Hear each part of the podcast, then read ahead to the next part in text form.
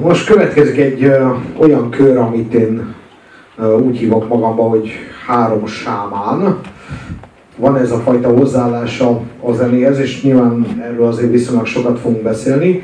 Előtte, ha nem vagy, akkor elmondanám egyébként, hogy, hogy ha bárki ismerni, akkor ki lenne még az, aki rajta van ezen a listán. Egy olyan emberről beszélünk, aki a 60-as évek közepén kiadott egy albumot, ami Amerikában elfogyott nagyon kemény, legalább 6 vagy 8 példányban. Igen, megfogadom állam, ne folytassam ezt a történetet, mert nagyon húzom vele a közös időnket, úgy érzed? Inkább kanyarodjunk át, tudom, menjünk tovább. Én tudom, hogy róla van. Jó, jó, jó, jó, oké, oké. Csak a 60-as éveknél, a 60-as éveknél Én nem próbáltam ívet ugrani. Már a 60-as évekből. Tudom, hát igen. Én nem tudtam, hogy ilyen korán indítod. Na mindegy, szóval, hogy ö, ö, mindegy, ő, na, szóval elfogyott Amerikában 60-10 példányba, és ez valahogy el, eljutott ö, Dél-Afrikába, ahol az apartheid elleni mozgalomnak lett a himnusza. És elképesztően imádták, és istenként tisztelték ezt az embert ott, aki Amerikában egyáltalán nem fogyott, és végül építési ö, vállalkozásoknál dolgozott, cementet hordott, meg ilyesmi életek keresztül. Míg nem, megtalálták ezt az embert, ö, ketten kutattak érte, és megtalálták Amerikában azok közül, akik őt istenítik, és elvitték Dél-Afrikába, hogy játszon koncerteket, és az, az az ember, aki előtte még cementes vödröt hordott, az hirtelen ott volt egy kis stadioni ember mellett, akik el, el nem hitték, hogy ő még egyáltalán létezik. És döbbenetesek azok a pillanatok, meg azok a zenék, amik ott történnek, és leginkább azért, mert a színpadi jelenlétnek egy olyan, olyan foka van, hogy a pofa felmegy, és 10 percig nem csinál semmit, és mindenki megőrül érte. És azt gondolom, hogy a színpadi jelenlét, vagy a zenészi jelenlét, vagy a zenészi szuggesztivitás, az talán a legfontosabb erő. Ezt így a, ezekben a tehetségkutatókban csomószor hallom, hogy energia, meg lejönne valaki, vagy nem jönne le valaki, ami, ami, ami alatt ezt a szuggesztivitást értik, és kell hallgatnom izé, klónozott Juliska, akinek be van nyomna, nyomva a feje, mint egy Disney hercegnőnek egyet, meg klónozott Juliska, aki pornószínész volt, kettőt, és akkor azt hallani, hogy az a kérdés, hogy az energia van-e a színpadon, vagy nem.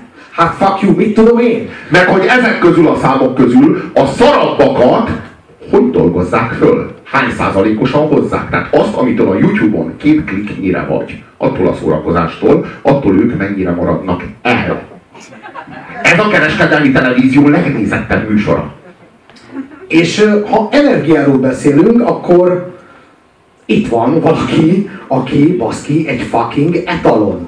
Tehát aki, akinél nagyobb jelenléttel, meg energiával ezt az egész előadó művészet dolgot csinálni meglehetes, meglehetősen nehéz, és rögtön majd a másik kettő meg is próbál ráígérni, de annyit tudnék mondani, hogy erősen indít a csaj. A csaj, akiről szó van, aki a, a meghatározhatatlan ö, személy, ő az, aki egy csoda gyerek volt. Már kicsi gyerekkorában. Tehát kettő évesen a kislány az a, az a,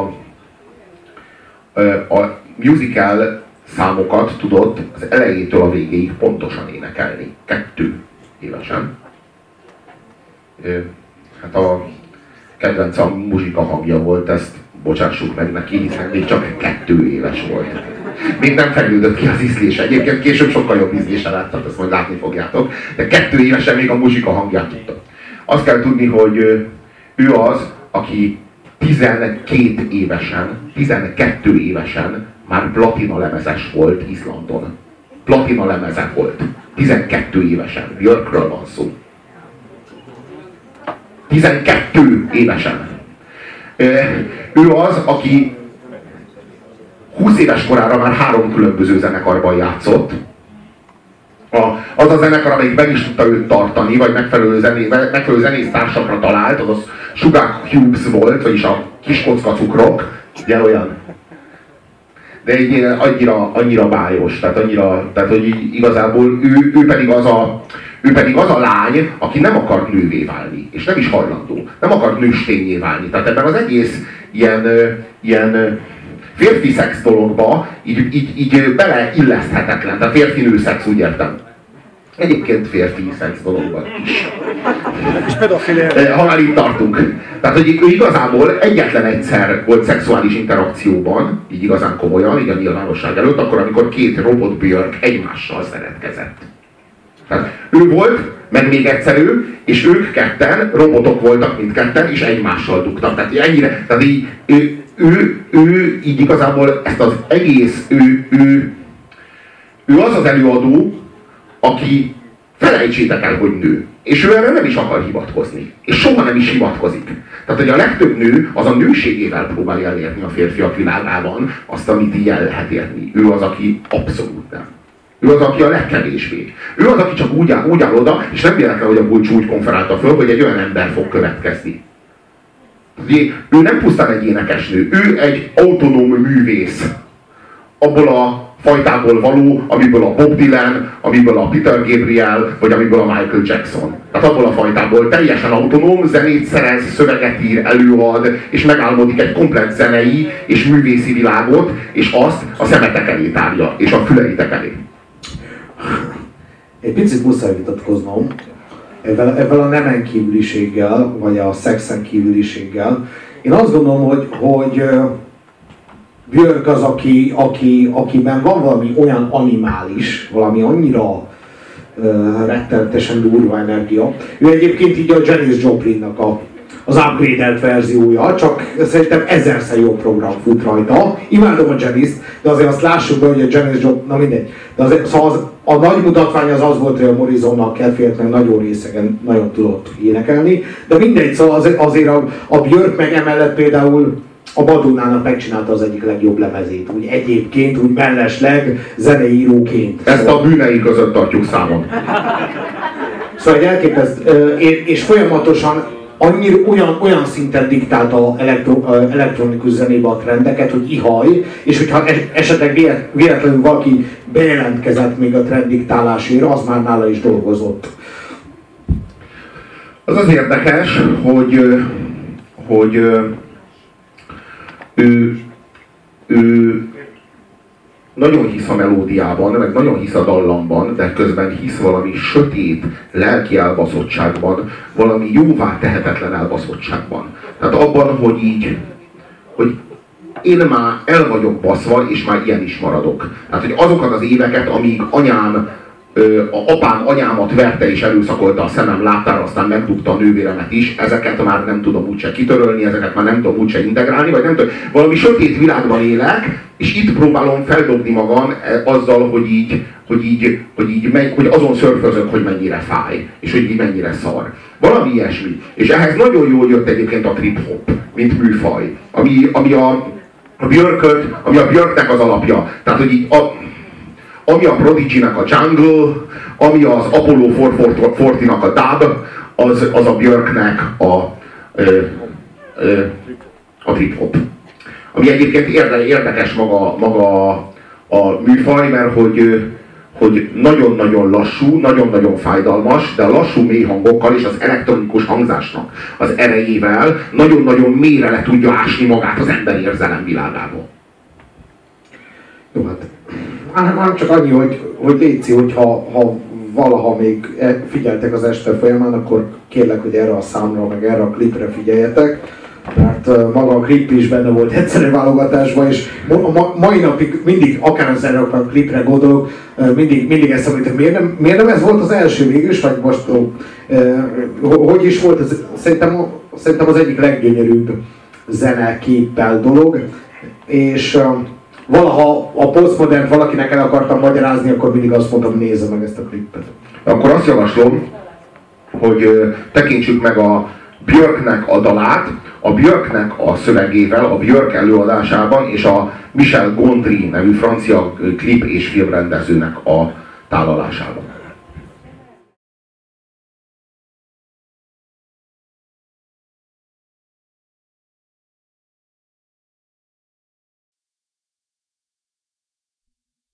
One day I found a big book buried deep in the ground.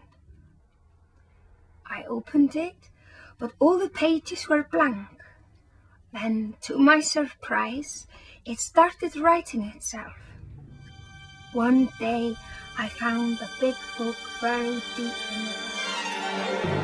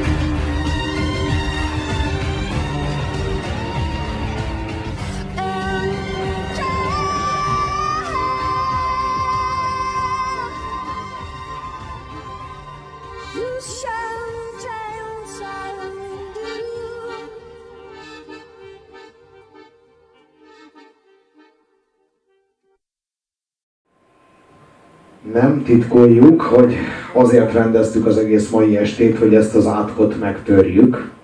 Ugyanis ha a klippet értelmezed, akkor minél hátrább van a sorban valaki, aki ezt nézi, minden, minél meta szinten lejjebb van, annál jobban elkeseredik. Ugye az első sorban mindenkinek nagyon tetszik az előadás, aztán egyen hátrébb már egy szintről látva azt érzi az ember, hogy ez, ez azért mintha, mintha gáz lenne a szitúval. Úgyhogy ezt az egész estét azért hoztuk létre, hogy most itt létrehozunk még egy szintet, és most ti vagytok a húnyók, és utána létrehozunk még egy szintet, ahol meg ti keseredtek el. Tehát hogy így azt, képzel, azt képzelendő el, hogy ugye aki az első sorban áll, az még tapsol, mert neki új az előadás. Aki a második, aki már egy szinten lejjebb ül, az annak már az látszik, hogy nem tetszik annyira az előadás, mert így emlékeztet valamire, amit ő már végigélt.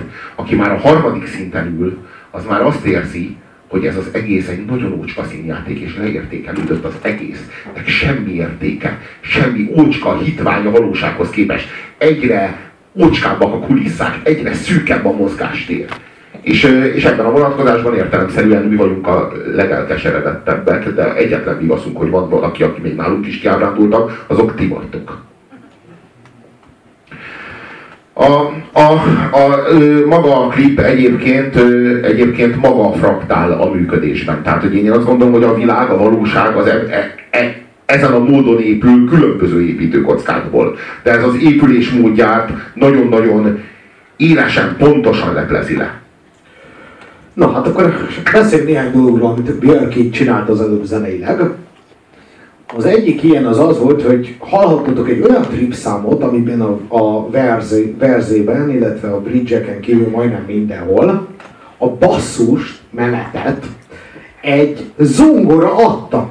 Csak úgy akarom mondani, hogy az, az milyen kibaszott vagányhúzás, trip-hopról beszélünk, és nem elektromos prüntyi-prüntyi volt az alap, valami nagyon izé durván megtekert kurva élet, vagy nem basszusgitár, hanem zongora az, az, az nagyon vagány.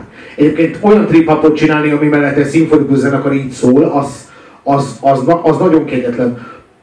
Björk az, akit ma a jazz tanszakon, meg bármilyen magyar énekesképző műhelyben azonnal kidobnának, és megmondanák neki, hogy így nem énekelünk. Így nem lehet énekelni. Így nem, nem szabad, szabad ez, ez ízléstelen. Tehát ez, ez, ez ízléstelen. Ne haragudj, majd ha rendesen megtanulsz, ha, ha, ha Ella Fitzgeraldot már kívülről tudod, akkor sem. De és azt kell tudni... Viszont, viszont a tehetségkutatóban, ahol meg sakirákat képeznek, ott meg ugyanolyan nagy évben kurnák ki a gecibe. Azt mondja, ez nem is tud énekelni. Nem tud énekelni. Nem tud, hamis. nem így kell. Hamis. Na. Na most azt kell tudni, hogy mindkét intézmény Maradjunk talán a zenészeknél, nem? Hát mégiscsak szakma. Tehát az a szakma, amelyik fújik sír szakmailag a Björkre, mert oh, úristen, tehát Diane Kroll, hogy a jazz énekesnőkről beszéljünk, ő olyan szemtelen, de mégis intellektuálisan kifejező, meg ilyesmi. Tehát, hogy ez az egész szakma, ez, az nem, ez azt nem fogta fel, hogy azok az istenek, akiket ő szeret, mint például Billy Holiday, akinek szerintem a reinkarnációja a Björk, a Billy Holiday az teljesen unortodox dolgot csinált, amikor énekelt. Képzeljétek el, hogy még amikor ők elkezdtek kockát énekelni, akkor következőket írták be a karnagyok a próbákról való jelentésbe, hogy nem lehet ezeket a kurva feketéket megtanítani énekelni, mert el, mellé énekelnek mindig két hangot. Azt a két hangot hívjuk ma blues skálának.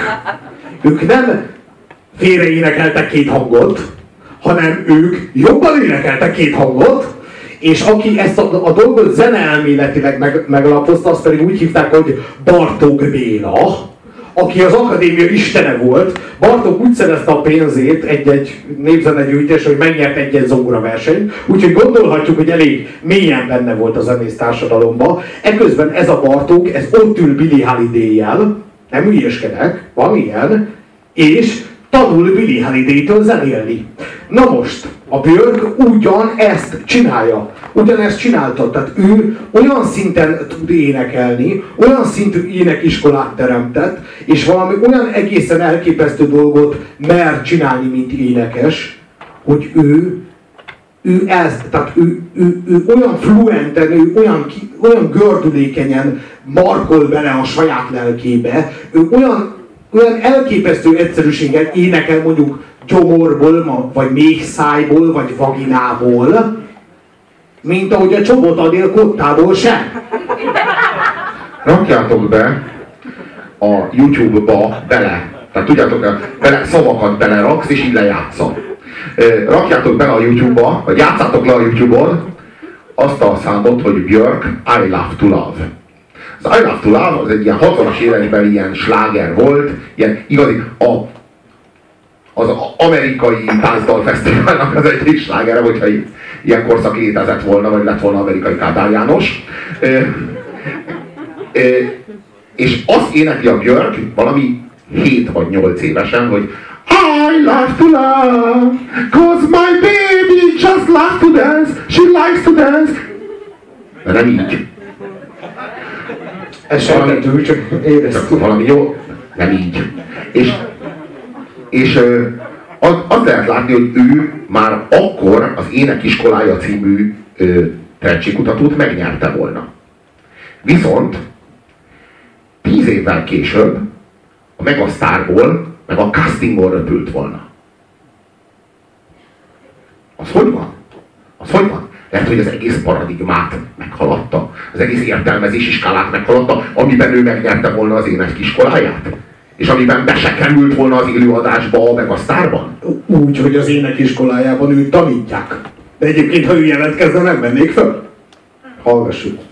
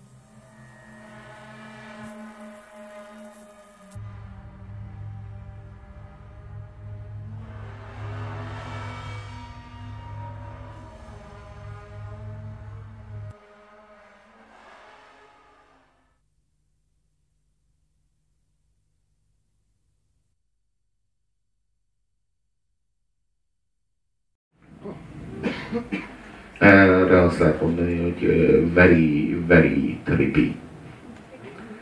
Általában a Björkre azt lehet mondani, hogy véletlenül hívják talán a műfajt sem trip hopnak. Nagyon ezekkel a mélyekkel, amikkel operál, elektronikus zenének egy olyan tartományával, nagyon megint csak azon, hogy nagyon le tudja ásni magát. Másrészt meg ott vannak ezek a falsok, vagy hogy is hívjuk őket. Tehát, hogy ez a, ez a björkség, ahogy ő énekel. És ez az engem nagyon emlékeztet a Röjkszöpre, ami, ami úgy tudom, hogy szintén izlandi zenekar. Röjkszkop. És az az érdekes benne, hogy ők azok, például neki van a nagyon nagy slágerük, amit most nem fogok elénekelni nektek.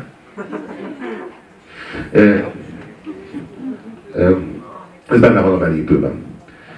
Már belekalkuláltuk. Szóval, hogy a, ez, a, ez, a, ez a zenekar, van egy olyan számuk, ahol például azt a, azt a hangszínszabályozó ö, tekerőt, ami a, ami a billentyűk mellett van, azt tekergetik. Tehát azzal játszanak. A DJ-t.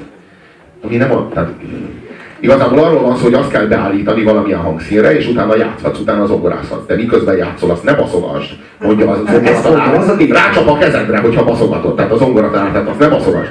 És ezek azért mégiscsak azt mondták, hogy így egy bizonyos helyen azért csak hozzányúlunk, és így tolunk egyet hang közben így rajta. Így, egy kicsit, izé, kicsit fals lesz. És ezt belerakjuk a zenébe. És olyan módon működött, és nem tudom, hogy mi van Izlandon a jégen kívül, meg az alkoholizmuson, de de valami ilyesmi, valami, ez a, ennek, ez a falsság, ez a, ez, ez a Björknél is megmutatkozik. Hogy itt miről van szó, hogy egyszerűen van egy gyönyörű dallam, ami valahol karcos. És pont attól, hogy, egy, hogy, hogy nem úgy énekli telibe, ahogyan az egy ilyen énekes nőtől elvárható lenne, pont attól lesz annyira személyes, és annyira fájdalmas, és attól lesz annyira a björké, amennyire, tehát hogy ezt nem is lehet földolgozni. Ki a fasz próbálná meg ezt földolgozni? Kivenni a bátorságot, hogy ő ezt most elének, ezt majd a Björk után elénekli. De itt arról van szó, hogy a Björk azáltal... Hogy? A, bocsánat, a harcsaver ebből él, de igen, folytasd. És hogy énekli a Björköt? Hát, hát nem úgy, mint a Björk. És megél belőle Magyarország. De hát, a Björk az... A Björk... De imádjuk a Verát egyébként, csak az mindig szomorú, szomorú egy meccs, amikor az ember Björket próbál énekelni tényleg Björk az miért nem énekelt soha életében, nem tudom én, Janis Joplin, miért nem Janis Joplin feldolgozás lemezekkel lett sikeres? Na.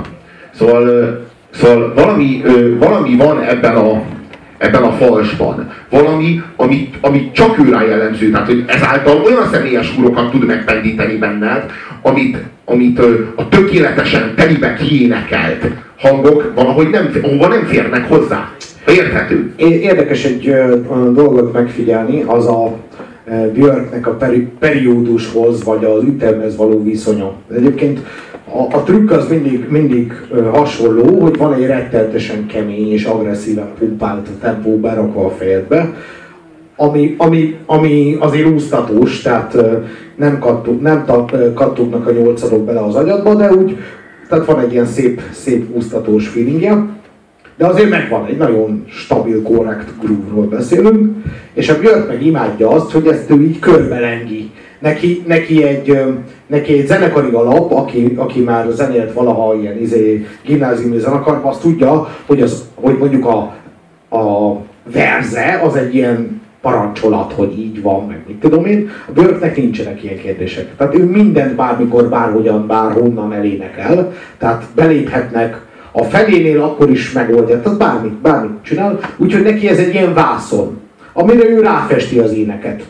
Hol vár egy picit, hol, hol teljesen más tempóba énekel.